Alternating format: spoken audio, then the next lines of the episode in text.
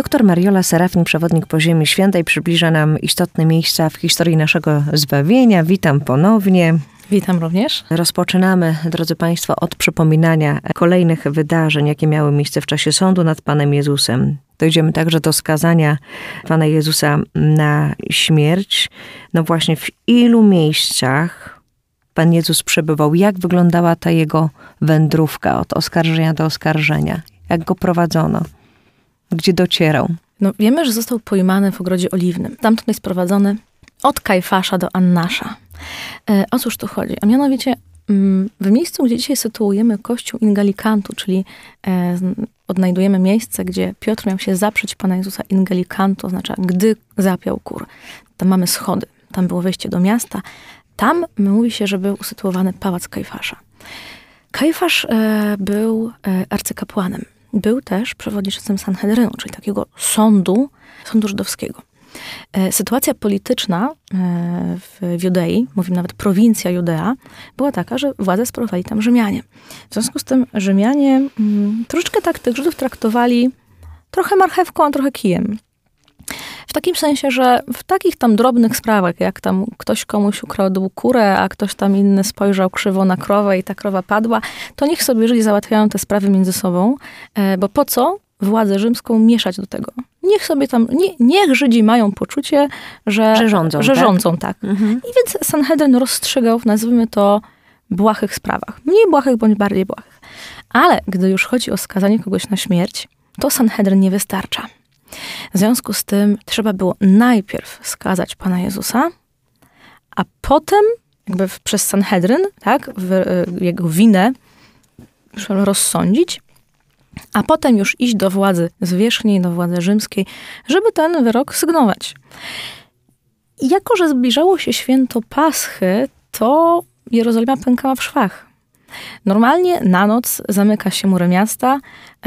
Temu służą mury miasta, prawda, żeby bronić mieszkańców i tych, którzy zatrzymują się w obrębie murów miejskich. Tyle, że musimy e, sobie zadać pytanie, czy, czy w związku z tym, że wszyscy Żydzi musieli na święto Paschy przybyć do Jerozolimy, e, to czy było miejsca tyle, czy wystarczyło na tyle miejsc wewnątrz miasta, żeby można te było mury na noc zamykać. I tu nam, i, i to są rzeczy otwarte, tak w takiej narracji mówienia o, e, o, o, o tych ostatnich chwilach Pana Jezusa, ponieważ w sposób symboliczny też e, sytuuje się właśnie przy tym kościele, gdzie są schody, które prowadzą do pałacu Kajfasza, do miasta. O tych schodach możemy powiedzieć, że z pewnością Jezus szedł za potok Cedon tymi schodami, czyli wychodząc z wieczernika, potem prowadzony przez żołnierzy też musiał iść tymi schodami. I tam jest dawna cysterna, którą, której się mówi, że jest więzieniem Pana Jezusa. Że w nocy gdzieś tam został wrzucony, aż do momentu, kiedy te drzwi zostaną, prawda, te bramy miejskie zostaną otwarte, że mogą być wprowadzone do miasta. Ale raczej jest to symboliczne więzienie. W tym samym miejscu właśnie sytuujemy miejsce, gdzie Piotr się zapiera Pana Jezusa i to myślę, że ma większą rangę niż gdybanie, czy Jezus został wtrącony do cysterny, czy do niej nie został wtrącony. Wiemy na pewno, że w nocy był rozsądzony od Kajfasza do Annasza aż nam weszło w, ta, takie mówienie codzienne. O co chodzi? A mianowicie Kajfasz jako ten arcykapłan, e, jako przewodniczący Sanhedrynu, on był zięciem Annasza, który wcześniej był arcykapłanem. I tak naprawdę to Anna... Czyli teść i zięć, tak? Mieli tak. rozstrzygać o tych sprawach najważniejszych. E, tak. Mhm. I Annasz miał, miał władzę. Miał władzę nie tylko oficjalną, miał władzę również taką półoficjalną. E, zięć swoją władzę zyskał, mając takiego teścia. W związku z tym najpierw tak naprawdę Pan jest sprowadzony do Annasza, dopiero potem do Kajfasza. Zresztą Kajfasz to jest ten, który hmm, zaproponował, żeby Jezusa skazać na śmierć. Wcześniej, zaraz po tym, jak, jak Jezus krzesił Łazarza, wiele osób się nawróciło, widząc takie świadectwo, e, więc Kajfasz powiedział, że trzeba to ukrócić. I od tego momentu cała ta intryga z, z Judaszem też, prawda, nabiera rozpędu. W związku z tym mamy nocny sąd. Mamy nocny sąd, gdzie mamy, tak, nie wpuszcza się apostołów. Stąd tak, Piotr stoi na zewnątrz i się grzeje gdzieś tam, prawda? E, mamy podstawionych świadków. Mamy to pytanie Jezusa, tak? Jeśli źle mówię, udowodnić, co było złe. Jeśli dobrze mówię, to czemu mnie bijesz? E, I, prawda, następuje skazanie Jezusa.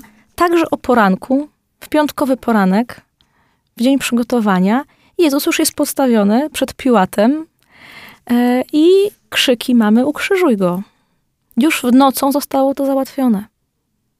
Sanhedrin wtedy składał się z 70 członków. To była taka najwyższa władza sądownicza, jeśli chodzi o naród żydowski. Tak, tak.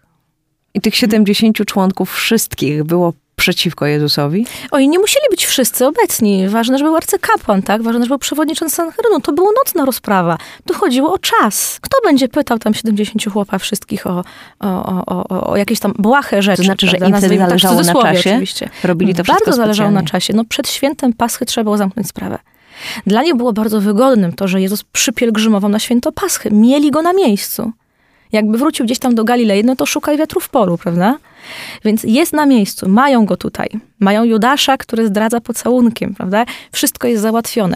Mają świadków opłaconych, prawda? Więc trzeba się śpieszyć. Tym bardziej, że święto Paschy, e, ono też po częstokroć w czasie tego święta dochodziło do różnego rodzaju zamieszek żydowskich. Więc, e, więc wojsko było postawione gdzieś tam w stan takiej czujności i gotowości. E, Więc jeśli się pozbędą mm, wichrzyciela, to, to, to jeszcze lepiej. Może akurat w tym roku na święto Paschy nie będzie tych zamieszek, bo się rozprawią właśnie z tym wichrzycielem. Jak wyglądały siedziby Annasza i Kajfasza i czy były daleko od siebie? E, Więc siedzibę Kajfasza sytuujemy tam, e, w, w, bliskości też Wieczernika. To, Mhm. jest, e, to jest góra Syjon. Tam, tam jest, mówi się o siedzibie Kajfasza. Annasz swój pałac miał, miał nieopodal. Ale ważniejszym jest to, że potem trzeba było Pana Jezusa przegonić przez miasto do, do Antonii. Tam, gdzie, Czyli tam, gdzie był Piłat. Tak.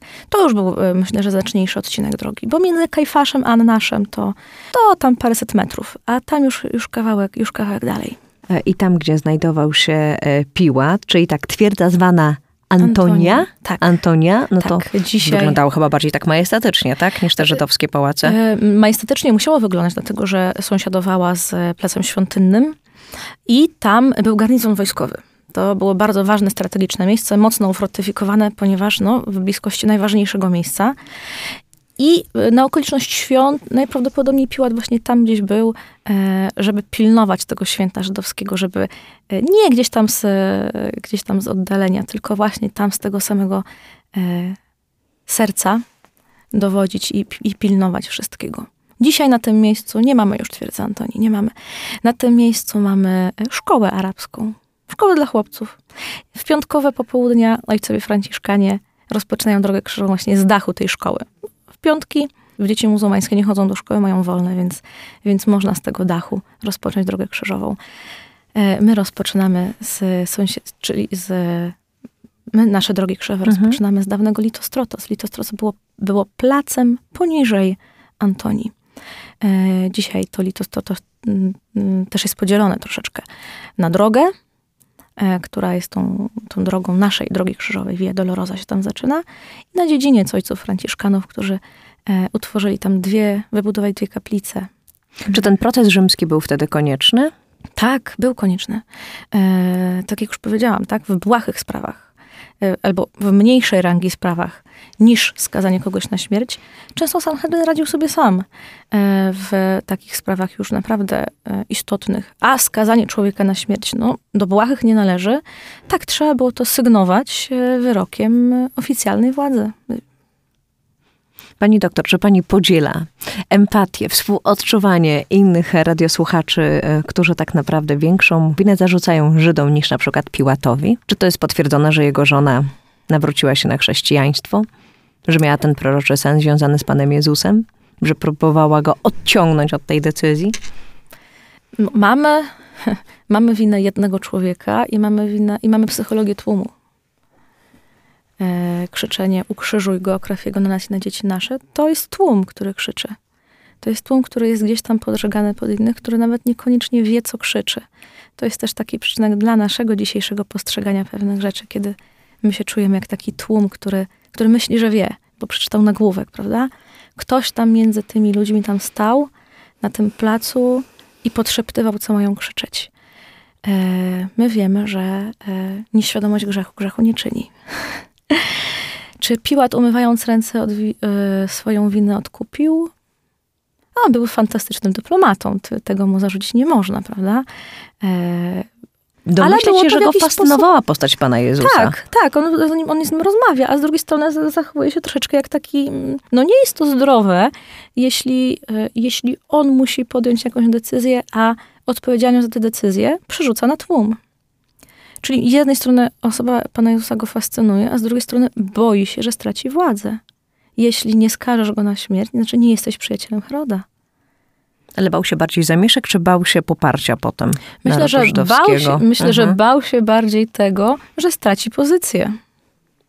Do tej opowieści związanej z historią zbawienia jeszcze powrócimy. Doktor Meriola Serafin jest naszym ekspertem.